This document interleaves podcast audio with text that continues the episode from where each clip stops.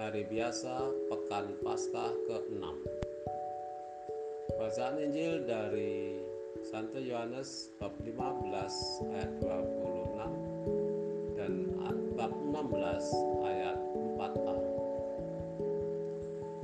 Marilah hening sejenak Dalam nama Bapa dan Putra dan Roh Kudus.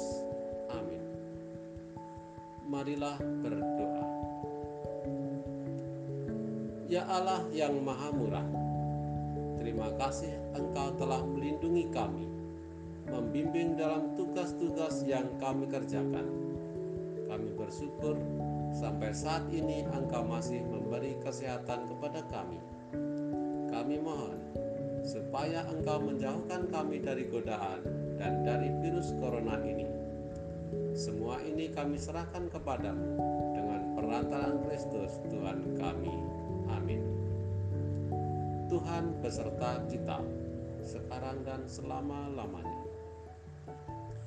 Inilah Injil Santo Yohanes bab 15 dan 16 ayat 26 sampai 27 dan ayat 1 sampai 4a dimuliakanlah Tuhan. Jikalau penghibur yang akan kuutus dari Bapa datang, yaitu roh kebenaran yang keluar dari Bapa, ia akan bersaksi tentang aku. Tetapi kamu juga harus bersaksi, karena kamu dari semula bersama-sama dengan aku. Semuanya ini kukatakan kepadamu, supaya kamu jangan kecewa dan menolak aku. Kamu akan dikucilkan, bahkan akan datang saatnya bahwa setiap orang yang membunuh kamu akan menyangka bahwa ia berbuat baik, berbuat bakti bagi Allah. Mereka akan berbuat demikian karena mereka tidak mengenal baik Bapa maupun aku. Tetapi semuanya ini kukatakan kepadamu, supaya apabila datang saatnya kamu ingat bahwa aku telah mengatakannya kepadamu. Demikianlah Injil Tuhan. Terpujilah Kristus. Anak-anakku yang terkasih, renungan pada hari ini dengan tema roh penghibur. Jikalau penghibur yang akan kuutus dari Bapa datang, yaitu roh kebenaran yang keluar dari Bapa, ia akan bersaksi tentang aku. Perpisahan yang disadari dan dipersiapkan selalu berkesan karena meninggalkan pesan hidup yang mendalam.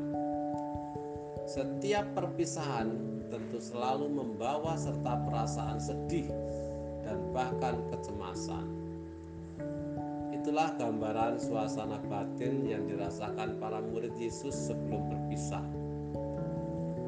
Namun Yesus memberi pencerahan kepada para murid agar mereka menjadi kuat dan mandiri melanjutkan kesaksian tentang kebangkitannya dan kabar gembira yang menyelamatkan bagi umat manusia.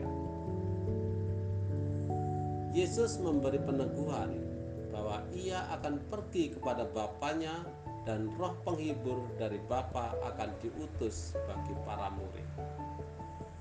Roh penghibur adalah roh kebenaran yang memampukan para murid berani memberi kesaksian tentang Yesus, sabda Allah, dan pekerjaannya. Anak-anakku yang terkasih, kita harus berani menjadi saksi karena kita sudah diselamatkan cahaya hati kita jadi terang.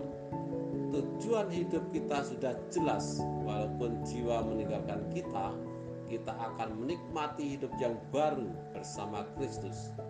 Maka api cinta Kristus tetap kita kobarkan dengan penuh semangat. Yesus sadar bahwa para pengikutnya akan menghadapi penolakan, pengucilan, kebencian, bahkan tindak kekerasan.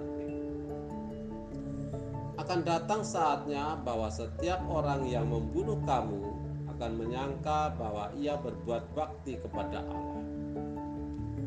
Karena itu ia menjanjikan roh penghibur, roh kebenaran yang menguatkan mereka dalam memberi kesaksian tentang kebenaran Allah dalam diri dan hidup Yesus Kristus yang bangkit.